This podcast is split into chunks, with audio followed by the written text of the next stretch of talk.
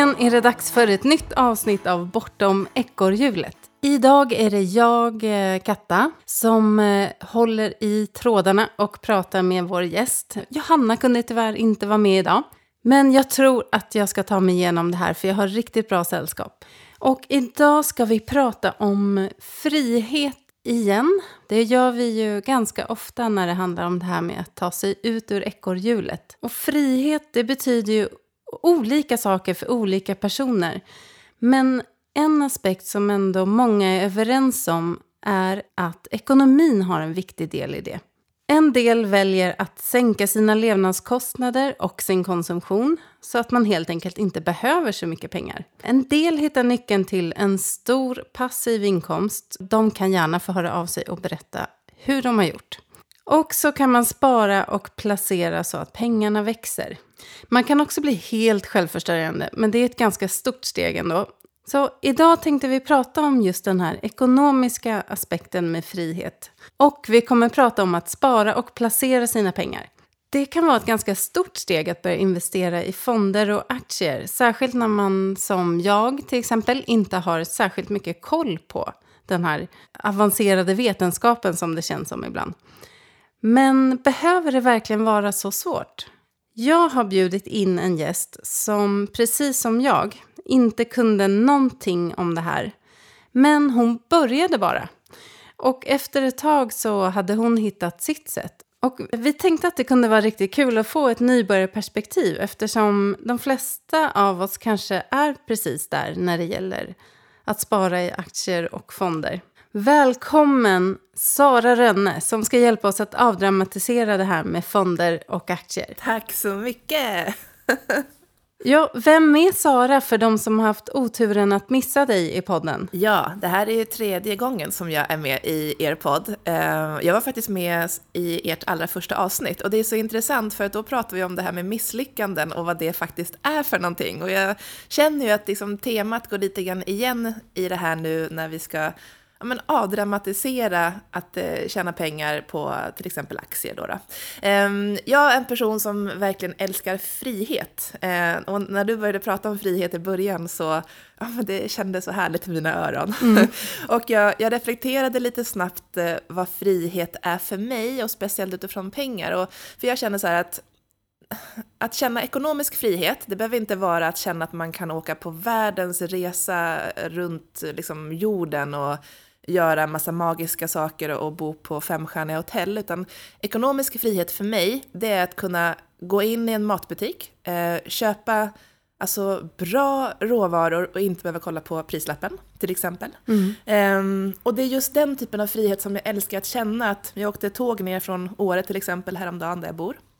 Jag eh, åkte till Stockholm och jag älskar ju att känna frihet när jag reser eh, och liksom att vara bekväm. Att kunna boka en första klassbiljett så att jag kan liksom resa på ett bekvämt sätt eh, och kunna jobba samtidigt som jag reser till exempel. Så att den typen av frihet älskar jag att skapa för mig själv. Eh, och det är så som jag lever mitt liv. Eh, jag bor i Åre eh, till största delen. Och sen så är jag väldigt mycket i Stockholm också, eh, för jag gillar att få båda de eh, Alltså jag gillar både Stockholmspulsen och Åre-känslan i mitt liv. Så att jag försöker designa mitt liv så som jag vill leva det helt enkelt. Mm. Både med eh, var jag bor, med det jag jobbar med, med relationer, eh, med träning exempelvis. Eh, ja, fylla med alla delar. Mm. Och eh, då, då, är ju pengar ett verktyg. Men berätta lite, vad, vad betyder pengar för dig mer konkret? Och liksom, hur, hur ser du på pengar? Ja, för mig är pengar jätteviktigt. Um, för att det är ett medel att kunna göra sånt som jag vill göra, att kunna göra bra saker. Så att um, jag tycker att pengar är något bra. Jag tycker att tjäna pengar är något bra. Um, och jag, eh, jag är lika delar anställd som jag är egenföretagare och jag har kommit på att jag verkligen älskar att sälja. Så att jag gillar att skapa pengar och jag gillar liksom att, eh, ja, men att eh, det här med börsmarknaden och köpa och sälja aktier och ja, men fonder också, fondsparande, det är ett intresse som jag har haft sedan kanske faktiskt ett och ett halvt år tillbaka. Eventuellt är det två år nu, mm. tiden går så fort. Eh, och den typen av så här pengamaskineri gillar jag också att skapa för mig själv. För att Um, för att det ger mig så mycket möjligheter. Uh, och sen är det också det här med att till exempel, uh, jag har investerat i en fastighet nu som jag hyr ut, så att även den typen av att tjäna pengar på olika sätt än att liksom sälja sin tid, mm. det känner jag starkt för. Och, och jag känner starkt för det för att det ger så mycket möjligheter. Ja, precis. För, för jag tror att många, man tänker så att man ska spara pengar. Eh, man kanske lägger undan en viss summa varje månad. Men i, som i mitt fall till exempel så har jag, jag har sparat lite grann i fonder och, och, och, så. Och sen har man ju sitt pensionsspar. Men eh, den här liksom stora sparapotten, den hamnar ju mest på ett konto, ett vanligt sparkonto. Där eh, det kanske inte växer till sig. Um, mm. Och det är en helt annan sak att placera pengar för att få dem att växa. Ja, precis. Och innan, eller, innan vi går vidare så måste man ju säga då att eh, det här är liksom ingen privatekonomisk rådgivning. Eh, Nej. Och jag, jag, tror man måste ha det som klausul också, faktiskt. Utan det här, eh, det jag säger nu, det är bara så som jag gör, så som jag tänker. Eh, och all kunskap som finns där ute får man till, tillgodose sig själv. Men alltså, Eget ansvar. Med, ja, exakt. Eh, om man om man tittar på många av de forum som finns där ute och mycket av hur folk pratar så handlar det här med att känna sig ekonomiskt fri har ju alltid handlat om att dra ner på konsumtion i stor utsträckning. Men grejen är så här att om du tjänar till exempel, om du får ut 20 000 kronor i månaden, du kan bara liksom då spara ihop 20 000 kronor, för det är ditt max. Eh, och ju mer du drar ner på saker, eh, desto i mitt tycke då, tråkigare liv får du. För att det, är, det är liksom sällan väldigt kul att gå runt och spendera ingenting. Även om man bor i skogen så kanske man behöver en yxa eller man kanske behöver gasol eller vad det nu kan vara för någonting. Så att, att konsumera ger ju ändå någonting. Um, och i, i många Facebookgrupper så är det så här att oh, idag, jag, jag tog bort alla kaffe som, som jag köper ute på stan. Liksom. Men den här kaffen som man köper på väg till ett möte eller när man fikar med en kompis, den ger ju också någonting. Så att det här med att spara sig till eh, mer pengar eh, i och med att man slutar konsumera, det kan vara värt, men det kan också vara extremt ovärt. Det beror lite grann på hur man själv resonerar. Och sen så har vi det här sparandet som du pratar om, att man lägger undan pengar för att det känns bra och till ett framtida projekt. Och det är inte fel att lägga det i ett ganska passivt bankkonto, för det är ju väldigt säkert där. Du vet att de pengarna som finns där, de kommer att finnas kvar. När du investerar dem i en fond eller i aktier eller vad det nu kan vara för någonting, det finns ju alltid en, en risk att det minskar, men chansen är högre att det faktiskt ökar. Mm. Om man ser bakåt då, hur, hur liksom börsen historiskt sett har, har utvecklats. Mm. Ja, så det kanske inte är där man ska stoppa sina eh, liksom, sista slantar som man kanske kan komma att behöva akut i slutet på månaden. Eh, utan... Exakt, de, de ska man ha stenkoll på, kanske då på ett bankkonto istället. Mm. Ja, precis. Men, men, men däremot så, när jag började eh, liksom investera på börsen, det jag gjorde var att eh, jag valde att, eh, att hämta hem appen, alltså så här var det, steg för steg. Jag valde att hämta hem appen Avanza. Det finns Avanza och så finns det eh, lite an andra appar också. Men Avanza, det var liksom enkelt, jag hade hört talas om det väldigt mycket. Eh, så jag, jag hämtade hem appen, jag öppnade ett ISK-konto. Och sen så var jag så här, jaha, Investeringssparkonto liksom. står det för. Mm. Exakt. och får jag backa där? Hur, mm. eh, hur kom det sig att du liksom aktivt började? Med, liksom, hur kom det sig att du ville bli börshaj? Eh, ja, men eh, från början så var det faktiskt min för detta chef som, alltså hon är så himla härlig, för hon, eh, hon är rak och hon är ärlig och hon är fylld av liksom optimism. Och hon sa hela tiden så här, Sara, jag älskar pengar. Eh, hon jobbar också som, som säljchef då.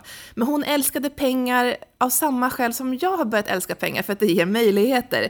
Så hon eh, investerade ju i fonder, och så sa hon så här, men Sara, jag har, liksom, jag har investerat i de här fonderna och nu har jag kunnat dra om elen i vårt hus enbart tack vare avkastningen. Liksom. Mm. Så att eh, hon gav så mycket exempel på hur, alltså vad hon hade gjort med de pengarna som hon inte behövde haft liksom tjänat in med tid, utan med, med liksom den här investeringen på börsen. Då. Så att det blev väldigt konkret för mig, eh, hur pass bra det var. Sen så var det inte där och då som jag öppnade eller som jag hämtade hem den här Avanza-appen, utan det var faktiskt på en workshop eh, i Åre där en annan person eh, höll en liten föreläsning om hur hon tänkte kring pengar och hur hon hade eh, faktiskt byggt upp ganska mycket pengar genom eh, investeringar på börsen. Så att man behöver lite olika sparkar från olika håll, tror jag. Mm. Om det här känns svårt. Och för mig kändes det supersvårt. Jag var ganska ointresserad från början, jag tyckte det var jobbigt och det var, så här, det var många steg innan man skulle komma igång till och med som så att när, för att jag hade nog Avanza-appen för ganska många år sedan också, men att jag, jag tyckte det var svårt att koppla liksom mitt bankkonto till appen. Och jag menar, det är inte svårt, det tar liksom, man ska gå in på, sitt, eh, på sin eh, bank, in, internetbank och göra liksom en inställning där. Men mm. det är mm. superenkelt. Ja, men det är typ uh, sån här typisk eh, tröskel som blir hög när intresset inte är så stort. Liksom. Eller, exakt. Ja, det känns svårt. Liksom. ja, precis. Och nu när vi pratar om det så kommer jag faktiskt på att en till grej som gjorde att jag blev intresserad av pengar och framförallt kände den här vittringen av ekonomisk frihet, mm. det var faktiskt när jag gjorde slut med min pojkvän. Mm. För jag kommer på nu att så här var det ju, att när vi var tillsammans så men när man är två, då kan man liksom släppa lite grann på ansvar för vissa saker. Och jag tror det är en typisk kvinnlig grej att släppa ansvaret för ekonomi till viss del. Eh, antingen så är man den som liksom administrerar att saker och ting faktiskt betalas, men jag var nog inte riktigt den personen, utan det gjorde han. Eh, och sen så var vi liksom två om allting, så att jag hade inget helhetsansvar. Men sen när vi gjorde slut och vi sålde vår gemensamma lägenhet, då stod jag ju där med en vinst eh, och så tänkte jag så här att nu är det bara jag som ansvarar för mitt liv. Mm. Det är mm. bara jag, så nu måste jag liksom sköta det här på ett bra sätt. Och det, var det mer pirrande än eh, läskigt? Det var fantastiskt. Åh, den känslan vill jag ha alltid. ja, men det var, det var verkligen fantastiskt. För att jag kände i och med eh, det här att jag hade liksom alla möjligheter. Och jag ville verkligen förvalta möjligheten eh, och få det jag hade att växa. Um, så jag kommer ihåg att, att jag stod där och tänkte så här, men är det aktier? Ska jag köpa en ny lägenhet och hyra ut här i Stockholm? Eh, eftersom jag inte bodde i Stockholm. Um, eller ska jag köpa skog till exempel? Så mm. att jag mm. hade alla de här valen. Och hur, eh, vad hände sen då? Liksom, hur, vad, vad landade du i och hur tänkte du då? Uh, ja, uh, efter ett halvår så träffade jag en ny kille. och där tog sagan slut. Nej, jag skojar bara. Nej, Pengarna men, borta. Ehm, ja, precis. Nej, men då blev jag intresserad av eh, börsmarknaden. Jag investerade absolut inte alla mina pengar i det, utan det jag faktiskt gjorde var att jag investerade i en till lägenhet i Stockholm. Eh, så jag äger idag också en halv lägenhet i Stockholm tillsammans med min kille, för jag köpte halva hans.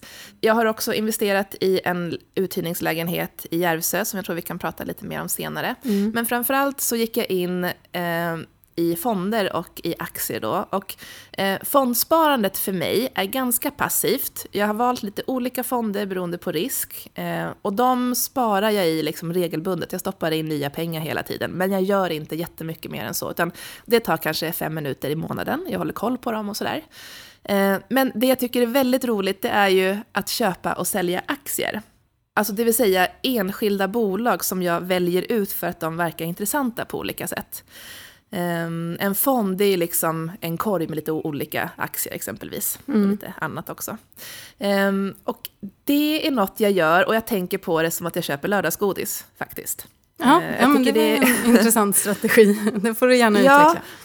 Ja, men det är så kul att välja ut sådant som man tror att man, eh, nej men som, som, som, som kanske kommer växa. Och exempel på aktier som, som jag har köpt eh, bakåt och som har gått väldigt bra, det är till exempel Mips. Eh, det är en svensk eh, uppfinning i hjälmar som gör att när, om man skulle trilla när man till exempel cyklar eller åker skidor, så gör Mips att hjärnan inte fortsätter snurra, så att den minskar liksom mm -hmm. på, på hjärnskador. Ja, så det ehm. kopplar lite till ditt eh, liksom, liv, om man säger. Ja, Dina exakt. intressen. Precis, och det är ett, ett tips som jag har läst om på andra ställen och som jag faktiskt ty är, tycker är riktigt bra. Det är att köp sånt som du förstår vad det är för någonting och köp sånt som du tycker är intressant, för det kommer göra den här, den här hobbyn mer spännande. Så att jag mm. köper bara aktier som jag fattar vad de gör för någonting och som jag tycker är spännande. Sen så kan det vara liksom sport och hälsa för min del, men det kan också vara inom medicin, inom miljö till exempel. Det finns ju en mängd olika saker. Så att, ehm, eh, liksom kolla upp de företag du själv liksom köper saker från. Mm. Det är väl Hur gör du för att kolla upp första de tips. här då? Eller för att dels snubbla över dem och dels liksom grotta lite djupare i dem? Ja, alltså den största källan till inspiration att hitta företag överhuvudtaget är att läsa en tidning. Eh, typ så Dagens Nyheter eller Svenska Dagbladet eller Dagens Industri. Där får man liksom en ganska snabb överblick kring vad som händer där ute. Ehm, även Omni är ett bra, liksom, bra ställe. Men sen så brukar jag gå in i Avanza-appen själv och bara kolla så här på men dagens vinnare, alltså de som har ökat mest under dagen, eller dagens förlorare, kan också vara superspännande. Så att eh, jag tror att inspirationen kommer från lite olika håll bara man öppnar ögonen. Bara man liksom tar på sig de här glasögonen utifrån att okej, nu ska jag se vilka företag som finns runt omkring mig. Och sen så går jag in och tittar på hur företaget har utvecklats bakåt i tiden. Eh, om de har gått upp eller gått ner. Eh, och sen så i alla sådana här appar så, så kan man också läsa nyheter kopplat till just det företaget. Till exempel när de släpper sina rapporter och ja, lite sådana saker. Så att inf- informationen i appen är väldigt bra och det är superenkelt att både köpa och sälja. Och i början, alltså jag köpte för kanske 200 kronor till exempel, så det är inga stora pengar. Men det man också ska ha koll på det är så här, att veta för sig själv då, för att det här det finns ju inget facit på något av det här och jag tror att det är det som gör allting så svårt. Man tror att det finns grejer som man ska göra, men det gör det inte. Men man ska ha en plan för sig själv när man köper och framförallt när man ska sälja. För jag tror ett av de största misstagen är att inte veta när man ska sälja, så då säljer man aldrig. Och då har man ju inte heller liksom gjort något avslut. Och det kan ju vara en strategi det också, att hålla i en aktie väldigt, väldigt länge, för den kommer ju växa över tid. Precis, för jag kan tänka mig att där kommer ju lite den här äh, speldjävulen eller girigheten eller vad det kan vara. Det kommer in att så här, åh nu har den gått upp äh, 200 procent. Nej, vänta lite till, den kanske går upp 300 procent. Och sen så dyker den istället. Eh, Har du någon strategi för det? Så här, när det går väldigt bra, hoppar du av liksom, på väg upp då? Ja, jag eh, har ju märkt att när jag har en strategi för när jag ska sälja så går det mycket bättre än när jag inte har det. För när jag inte har det, då blir jag för girig. Jag tänker så här, men bara lite till, jag väntar lite och sen bara, oj då, nu var det för sent. Ehm, så att, och det här är lite grann beroende på hur mycket jag köper för. Men ja, om jag köper för några hund- hundralappar till exempel, då har jag ofta som plan så här att jag säljer när jag har tjänat ihop till en kaffe. Alltså det är de här enkla grejerna. För då vet jag så att, ja men, det här är en extra latte för mig då jag gillar att köpa kaffelatte uppenbarligen, för jag drar det exemplet väldigt ofta. Men jag tycker att det blir väldigt tydligt. Eh, Jag säljer när jag har tjänat upp till en kaffe, för det är ändå en gratis kaffe. Och sen så kan jag liksom växla upp det så här, ja men nu säljer jag när jag har tjänat ihop till en, en drink, för det är ändå en drink. Eller en middag ute på stan. Alltså jag, liksom, jag kopplar det till väldigt konkreta grejer som jag gillar att göra. Eh, för då blir det så här tydligt och det blir enkelt. Eh, och jag dras inte med i den här hetsen och att det faktiskt går ner igen.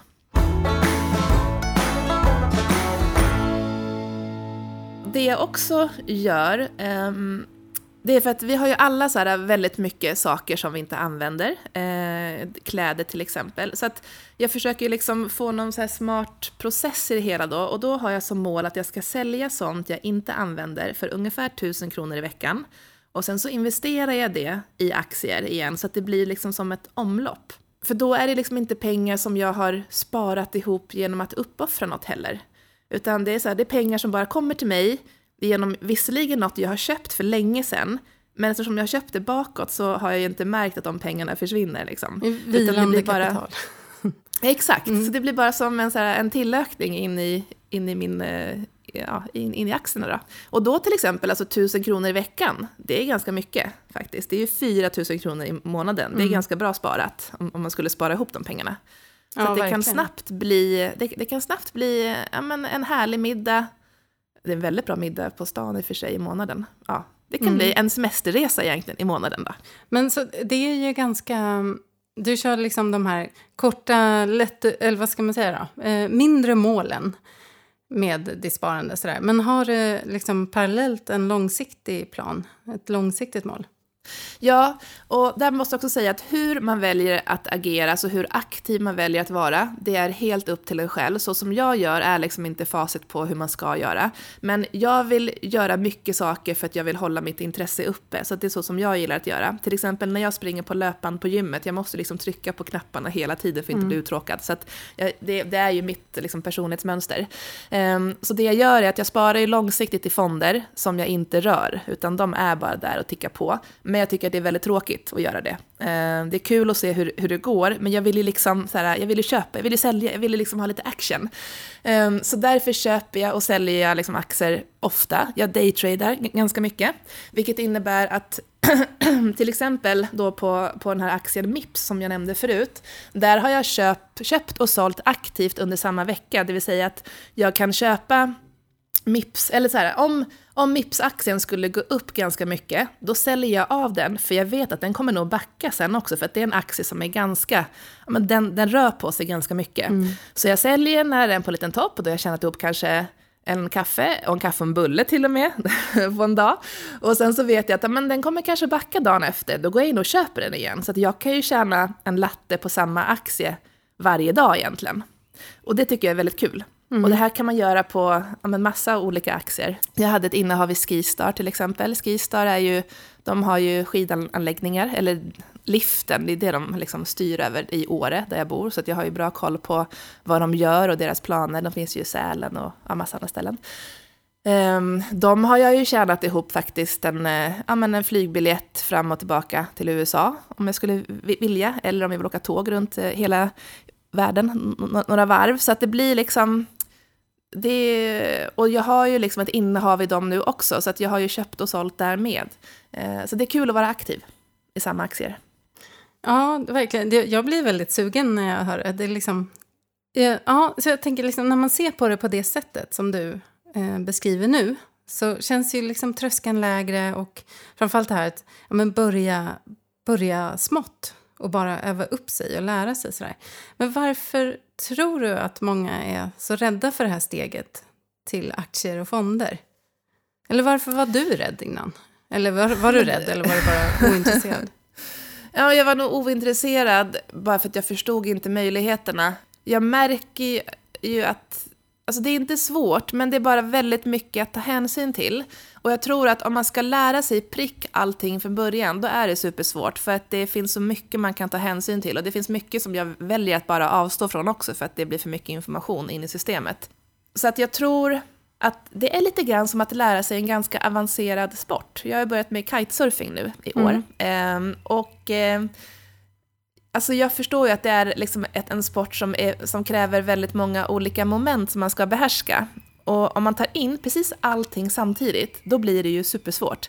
Men om man tar liksom ett steg i taget och verkligen förstår att processen är så, då blir det mycket mer behändigt och mycket enklare att men att hitta glädjen och intresset i det också. Så att verkligen liksom ta steg för steg, att faktiskt förstå att det finns inget facit på exakt hur man ska göra. För alltså det som styr börsen, det är ju inte heller hur det går för företag, det är ju hur vi liksom, alltså hur människor uppfattar det. Så det är våra egna mm. förväntningar. Så att börsen liksom består ju inte i att oj, nu har liksom H&M gjort, gjort en vinst, nu går det upp. Nej, det, det, det kan gå ner också för att vi tyckte att ja, men vinsten var inte tillräckligt bra eller liksom chefen är för dålig. Alltså, och när man börjar förstå det, då förstår man att, att det är liksom ingen sanning, det är lite grann av en känsla. Um, och vissa av de köp uh, som jag har gjort och när jag har sålt har jag gått på lite grann med magkänsla också. Och det har stämt liksom. Så att det gäller bara att liksom våga testa. Ja, nej men alltså det är så här, hur svårt kan det vara? Ja, det är svårt, men ta ett steg i taget. Mm. Lite grann så att eh, ett, ett misslyckande här kan ju vara ödesdigert om man har investerat mycket pengar, så gör inte det. nej, och kanske inte i en och samma korg. Nej, precis. Eh, för det är väl också en viktig Eh, om man ska gå in och låtsas vara rådgivare. Mm. Jag, ska säga, är väldigt eh, novis, så att, eh, lyssna inte på någonting jag säger. Men jag har i alla fall läst och hört av specialister att det här med riskspridning är ju eh, viktigt för att liksom kunna känna sig trygg och sova på natten. Mm, att investera i, i, olika typer och fördela kanske över både fonder och aktier och, eh, och annan typ av sparande. Men eh, ja, för jag tänkte på det här just med eh, kvinnor. Jag läste lite nu in, inför att vi skulle prata. Och eh, ja, vi, vi vet ju alla att det är så att kvinnor tjänar mindre än män. Men när man tittar på det långsiktiga, alltså på pensionen så, så får kvinnor i genomsnitt ut ungefär 67 procent av männens pension. Och det tycker jag är så intressant. Just att varför är det så? Är vi mer riskmedvetna tro eller är det... Ja, nej men jag tror också så här, det är superviktigt att eh, verkligen ha en egen ekonomisk frihet för att faktiskt kunna göra val även när man är tillsammans med någon. För att jag tror att många är tillsammans, eller gifta eller vad man nu är, med en partner för att man känner att ja, men det är bara med honom då som jag kan ha den här ekonomiska friheten. Om jag skulle vara själv så skulle inte jag ha råd. Så bara utifrån liksom här och nu så är det viktigt att faktiskt ha ett eget sparande, en egen buffert. Jag vet att vissa kallar det för fuck off-kapital till exempel. Mm. Um, Eh, ja men jag tror alltså historiskt sett så, jag menar, man, ja, vi sitter ju inte med i lika många ledningsgrupper i arbetslivet exempelvis och vi, eh, ja, vi är liksom inte lika delaktiga i det ekonomiska på ett, mer, alltså på ett makroplan. Sen tror jag att vi är ganska många som är så här eh, mikromässigt, så, alltså, men det är många som betalar räkningarna, alltså rent administrativt då, som jag sa i början. Eh, men att liksom ha den här ekonomiska styrningen och ha koll på hur pass mycket pengar man har tillsammans som familj och hur man förvaltar dem och vad som finns i huset till exempel och mm. på olika konton. Det är jätteviktigt att ha koll på det för att kunna vara delaktig mm. eh, framöver också. Och att faktiskt skriva avtal eh, emellan sin, sin partner också, att även om han jobbar mer eh, i vissa, liksom, vid vissa till, tillfällen, att hans pengar också tillkommer mig eftersom jag jobbar mer i hemmet. Det är också jobb, att man liksom delar på allting som en, som en enhet. Mm. Eh, så det finns nog sätt man kan skapa det där på, samtidigt som man absolut själv ska ha eh, en buffert, en personlig buffert också. Mm, precis.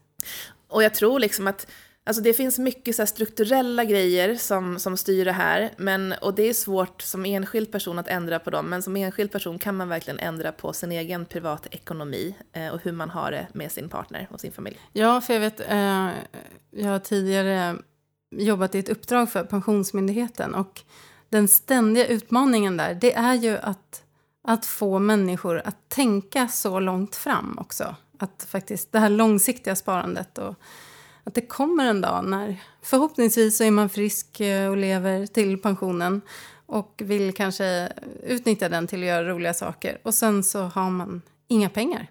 Lönen slutar komma eller vad, vad man nu har Ja, precis. Och jag delar ju den synen med många andra, att det som är långt fram är väldigt tråkigt. Mm. Det är därför jag försöker liksom räkna hem det jag gör i sånt som jag tycker om att konsumera här och nu, som till exempel kaffet då, eller den här, ett par nya skidor kanske till exempel.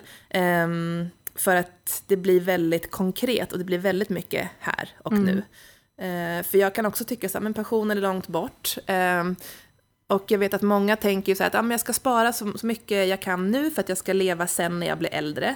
Och jag menar, det är ingen garanti att vi faktiskt blir äldre heller, så det gäller ju att ha en bra fördelning på att konsumera och spara nu och att konsumera sen när vi är äldre också. Och därför är ju det här med börsen ett sånt bra sätt att faktiskt investera i. Det finns ju massa uträkningar som visar på att om vi om vi liksom sparar ett visst antal tusenlappar nu så kommer vi ha en miljon inom ett visst antal år. Så att, och jag tycker att alltså, de uträkningarna inspirerar ju till en framtid för att ja, men det är liksom lagom långt bort. Det är inte om 50 år, det är liksom om typ 15 år. Men och sen så utifrån det så ska man ju eh, sprida sina risker och inte bara finnas på börsen utan ja, men, eh, fastigheter är ju ett sätt eller ja, skog precis. är ett annat sätt. Jag tänkte komma till det, för du pratar ju också om, mm. om dina lägenheter och sådär. Och eh, det är ju ett annat sätt att få pengar att växa men också få en passiv inkomst. Eh, berätta lite mer om vad du har gjort där och hur du tänker med det. Jag är en person som, eh, jag gillar att leva på lite olika ställen. Så att eh, jag, som jag nämnde så bor jag i Åre men jag är väldigt ofta i Stockholm. Eh, och det tillhör min personlighet att inte finnas bara på ett ställe tror jag. Ehm, men det jag har gjort nu är att jag har köpt en lägenhet i Järvsö. Eh, av alla ställen. Eh, det har jag gjort lite grann när jag har lyssnat på människor som har berättat hur det går för Järvsö. Och det går väldigt bra. De växer som turistort, eh, både sommartid och vintertid. Eh, de investerar själva i mycket, både i, eh, med cykelleder som de gräver fram, i eh, sitt skidområde. Så att det åker mm. allt fler människor till Järvsö för att turista och rekreera sig. Säger man så? Mm. Ja. ha det bra helt enkelt. Så då köpte jag en lägenhet där som ligger precis in till både skidbacken och cykel, bergscykelparken då, och tänker att det här ska jag hyra ut. Eh, så att jag har gjort en plan att nu första året så testar jag att hyra ut via Airbnb. Min plan är att gå plus minus noll, vilket innebär att jag behöver hyra ut ungefär vid ett tillfälle i månaden under hela året. Ehm, jag la ut det här för några veckor sedan och jag har väl redan nu gått ehm, plus minus noll ungefär ett kvartal. Så att jag har bara några månader kvar. Det är ett sådant exempel på en passiv inkomst. Ehm, för mig är de passiva inkomsterna superviktiga för att jag är ju ja, men jag är en frihetssökare och jag vill inte känna mig låst till min tid. Jag vill inte behöva jobba en extra timme för att få in en extra slant i min kassa. Utan jag vill göra saker som är skalbart. Um, och den här lägenheten är ju verkligen en sån grej att jag behöver inte lägga ner speciellt mycket tid, även om, ska jag säga, den här våren har varit ganska energikrävande för att jag var tvungen att inreda lägenheten och jag har velat inreda den på ett härligt sätt. Att det här ska vara ett ställe där man mår bra. Så mm. att, liksom att tänka till och så få allting att stämma har ändå tagit eh, tid och energi. Ja. men, ehm, jo, men det hela men, den här uppsättningsdelen, mm. att ja, men, hitta rutinerna och, och sådär. Men sen så Exakt. har man ju gjort det. Man inreder liksom den stora delen en gång och sen kanske man är där och fixar till och förädlar och förfinar och byter ut. Men, men just det Exakt. där första jobbet är ju ändå en engångsinsats. Ja, det är en investering på alla sätt och vis liksom. Så att nu ska jag bara plocka ut mm. investeringarna har jag tänkt. um, så att, ja men det är superkul. Och sen så det är kul att hitta, återigen då, investeringar man faktiskt känner någonting för. Um, jag hade tyckt att det var supertråkigt att ha en lägenhet i Järvsö om jag själv inte gillade att vara ute och cykla, springa och åka skidor till exempel. Då hade det varit totalt ointressant för mig. Då hade jag kanske velat köpa en lägenhet på solkusten i Spanien, eller jag vet inte, någon, mm. någon annanstans liksom. Um, så att, um, ja, den känns som en väldigt kul grej och uh, det ska bli väldigt roligt att summera året som, uh, jag stänger året då i ja, nästa augusti. För att uh, nu i augusti var första gången som vi hyrde ut den. Vi öppnade bokningarna den första augusti och vi fick en bokning den 9 augusti. Hon ska vara där ända till den 9 september. Mm. Så det blev en, en månadsbokning. Och sen så är den också uthyrd eh, under loven och sådär, först och främst. Eh, och sen så har vi ju som sagt, jag köpte ju min, en, ja, en del av min killes lägenhet, halva hans lägenhet i Stockholm. Och det är ju en lägenhet där vi faktiskt inte bor i, så att den är långtidsuthyrd. Så den går vi ju, alltså det är ingen så vinstmaskin i sig och det är inte tänkt att vara det heller, utan det är bara uthyrt eftersom vi inte bor där på, mm. på två år nu, när vi jobbar på annan ort. Eh, men eh, så snart vi har liksom kommit underfund med vad i livet vi ska göra efter de här två åren, då får vi väl bestämma om vi ska sälja den lägenheten och frigöra kapital till att köpa något annat. Det blir nästa projekt tror jag i mitt liv och det blir ju nästa sommar. Och det här landstället då som som ja. du har investerat i. Du är en fastighetsmagnat Sara. ja, um, ja, och de här pengarna... Är det, det också tänkt som en, en passiv inkomst? Liksom? Ja, det är det. Um, som jag nämnde, så när jag gjorde slut med mitt ex då så sålde vi en Stockholmslägenhet och då fick jag lite pengar uh, varav jag kunde då göra, uh, liksom, eller lägga en insats till Järvsölägenheten men jag kunde också köpa en del av ett sommar, en sommarstuga är det faktiskt, som, vi har, som har funnits i vår släkt. Eh, vid sjön, sjön Mollången eh, i Hälsingland, ganska nära Dalarna. Så det här är en sommarstuga som har eh, verkligen har sett sina bättre dagar, som vi just nu håller på att renovera. Mm. Eh, den ligger jättefint, men själva sommarstugan, det är egentligen en ditdragen bensinmack från 50-talet. Så den har varit väldigt boxigt, ganska provisoriskt. Ehm, så det här köpte vi i våras eh, och tanken är ju att ehm, vi vet redan nu att vi köpte för ett väldigt bra pris. Eh, så att redan nu så är det här värt mer än det vi har köpt det för, vilket gör att det är en säker investering i sig självt. Vi vet att området är eftertraktat, det vill säga att det är många som vill köpa men det är sällan det kommer ut objekt på marknaden. Så att ja, det är säkert. Men vi vill också hyra ut det här. Mm, och för att kunna hyra ut det så måste vi göra om, för att det är väldigt få som vill bo i en gammal bensinmack som är brun. som är en furudröm förvisso, eller har varit. Ja, ja det är ju på um, väg tillbaks. Ja, eh, och då så, eh, vi är fyra personer som har köpt det här. Det är jag, eh, min mamma, min pappa och min kille. Bara där kan det ju bli grund för konflikt. Så att vi har skrivit avtal på hur vi ska sköta det här, när det ska säljas och så vidare. Så att det är också ett tips att faktiskt liksom skriva de här tråkiga avtalen mm. och allt det där, liksom hur man ska bete sig om, ja, utifrån allt liksom, och allas önskemål. Um, och när vi köpte den här så hade vi en tanke att vi skulle göra väldigt mycket själva. Vi skulle vara där och snickra väldigt mycket och vi själva skulle kunna det i teorin, men vi insåg ganska snabbt att vi alla har fullt upp. Vi tjänar mer på att jobba en timma med våra andra jobb och dra in pengar där och faktiskt anlita en snickare. Mm. Det blir mer ekonomiskt för oss. Så vi har lagt ganska mycket pengar på en snickare som har gjort fantastiska saker. Men det är ändå mer värt än om vi själva skulle ha varit där. Mm. Så det var liksom en enkel matematisk uträkning. Det är ett tips som jag vill ge till alla egenföretagare eller vad man nu gör för någonting. Att köp in hjälp om det är som så att det kräver mer av dig än det faktiskt ger. Det, för mig är det mer värt till exempel, jag har ju en ganska stor blogg, men det är mer värt för mig att köpa in en tjej som kan koda och göra sånt väldigt bra och väldigt snabbt än om jag ska hålla på och leta upp information på internet och sitta och traggla själv. Den stugan håller vi på att jobba med fortfarande för fullt. Vi räknar med att vi kommer hyra ut den från och med nästa sommar. Eh, vilket också innebär, för att jag är ju eh, inne i sälj väldigt mycket och jag tänker så här att om vi ska hyra ut den nästa sommar då måste vi ha allt content klart. Alltså alla bilder på stugan mm. måste vara klart alltså i vinter. Så det blir lite tokigt att liksom bara ha vinterbilder på den här stugan. Men så får det vara. Så eh, det är de här två eh, fastighetsobjekten och sen så är det eh, börsen och sen så har jag ju, jag är fortfarande anställd, jag har min så grundinkomst och sen så har jag också en, en vet inte om det ska vara en, om man säger att det är en passiv eller en aktiv inkomst i och med min digitala blogg också. Och det är faktiskt ett tips till många för att Alltså man tänker så här, men en bloggare, så tänker man på någon av de här stora unga tjejerna som ofta liksom benämns i media. Men jag tror att om man har ett intresse så kan man faktiskt skapa sig sin digitala plattform som man kan tjäna pengar på. Inte ganska enkelt för det kräver hårt jobb, men det finns stora möjligheter för det. Och då tänker jag på personer som Sara Bäckmo som har en stor, det är väl typ som en stor portal för till exempel odling eh, och trädgårdssfären liksom. Ja, precis. Ja, det går jättebra för henne. Och nästa stora grej är att göra webbutbildningar, eller alltså e-kurser.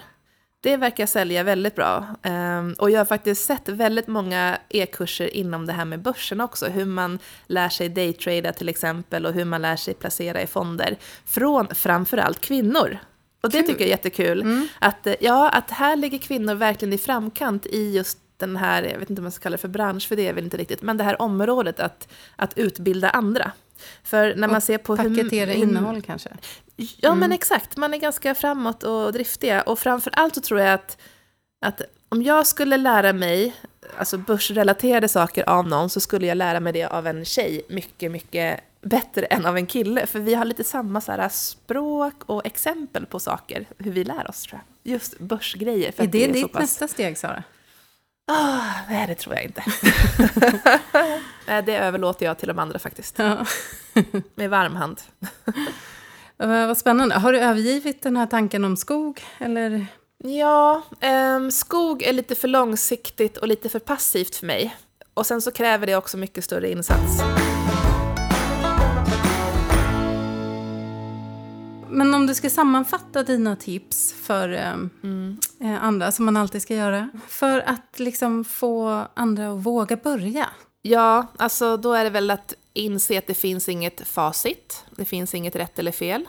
Alltså ta ett steg i taget, det går inte att lära sig allting ändå. Det är ingen skolbok man pluggar och sen så kan man det som ett rinnande vatten. Um, förstå hur börsen styrs, det styrs av förväntningar, väldigt mycket känslor inte speciellt mycket fakta egentligen. Um, och sen alltså så här, ett, ladda hem appen. Två, öppna kontot. Tre, köp för 200 kronor eller 50 kronor bara kanske.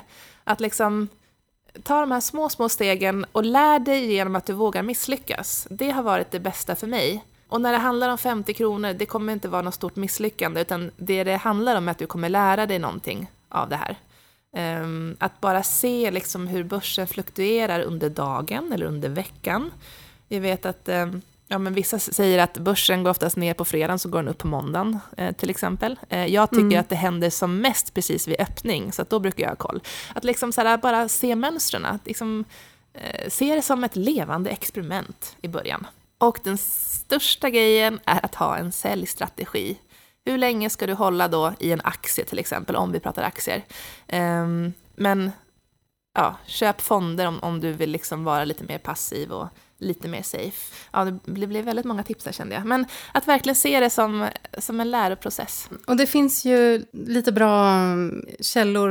Jag vet att både du och jag lyssnar på en podd till exempel. Som, som gör det ganska begripligt och går igenom både på liksom mer avancerad nivå men också lite mer enkel nivå för eh, oss som inte är lika insatta. Ja. Eh, Tänker du på rik... Ja, ja. du får säga det. Rika tillsammans. Ja, Den är exakt. jättebra. Den gör det liksom Den... intressant. Ja, för de är två verkliga personer. De är ju gifta och de, de har som två olika personligheter. Jag tycker att dynamiken mellan dem, för de tycker olika, den tycker jag är superspännande och det blir på riktigt. Eh, har du någon mer podd eller eh, källa, blogg eller något som du brukar kika på? Ja, men eftersom jag själv kör Avanza så brukar jag faktiskt läsa Avanzas egna blogg. Jag tycker den är bra. Och de skriver ju på ett så kunskapsfokuserat sätt, så att gå in och läs där, för där kan man få jättemycket praktiska tips på hur man går tillväga framförallt vad man ska titta på, lite grann kring trender. Just nu så är börsen i en väldigt skakig fas, det har gått ner väldigt mycket. Och de skriver lite grann om det också, varför det är så och hur man ska tänka och sådär. Så mm. att eh, Avanzas blogg, de har också en egen podd, men, och den är också så här, den är ganska lättsmält och enkelt, men jag tycker att bloggen är, är mer kunskapsmässig. Alltså det finns ganska många bloggar som skrivs av kvinnor om just börsen och daytrading. Så att, eh, googla fram lite grann och se vad som passar dig. Jag tycker att de här bloggarna blir oftast lite för mastiga för mig. Um, jag orkar liksom inte hålla fokus, för det är så mycket nya ord och grejer. Mm. jag tycker att just därför har Rika Tillsammans-podden varit bra, för att den är, den är lättsmält. Ja, vad bra. Vilka bra mm. tips. Mm. Eh, och, ja, men det är väldigt inspirerande att höra eh, om din resa. Mm. Från nybörjare jag, till börshaj. får jag ställa en fråga till dig, Katta? Ja. För du har ju nämnt lite grann så här, under den här poddens gång nu, vad, eller hur du tänker kring pengar. Men vad, vad har du för ambitioner framöver med ditt eget förvaltande av ditt kapital? Jag, eh, jag är ju på mm, on the lookout eh, för ett ett, ehm, ett stugobjekt här i närområdet. Så där, där håller jag på och skannar hela tiden. För jag vill göra en sån... Jag har, jag har ju en, en vinst från en lägenhetsförsäljning som jag vill investera på det sättet. Alltså, både långsiktigt och för passiv inkomst. Det är väl det som är liksom närmast nu. Och sen så har jag ju laddat hem Avanza-appen. Jag har öppnat konto, jag har satt över pengar. Men jag har inte vågat börja. Så det är väl också eh, ett steg. För att jag inser ju att det händer ju ingenting med ett kapital som ligger på ett konto. Det är väl, jag vill liksom bygga en grund med, med passiv inkomst och långsiktig investering som kan göra att jag känner mig tryggare. För det, jag har ju den sitsen att jag säljer min tid och det är väldigt begränsat. Men då tycker jag att det ska bli väldigt spännande att följa dig också och vad du väljer att göra framöver. Mm.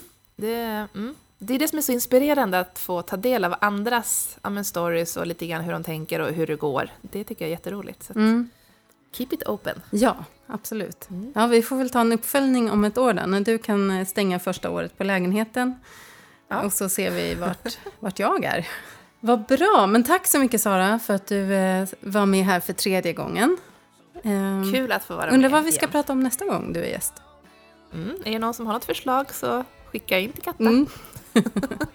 Stort tack mm. för att du var med. Tusen, tusen tack. Och till er lyssnare så säger jag vi hörs igen om två veckor. Tack Sven Karlsson för, och Epidemic Sound för musiken. Hej då allihop!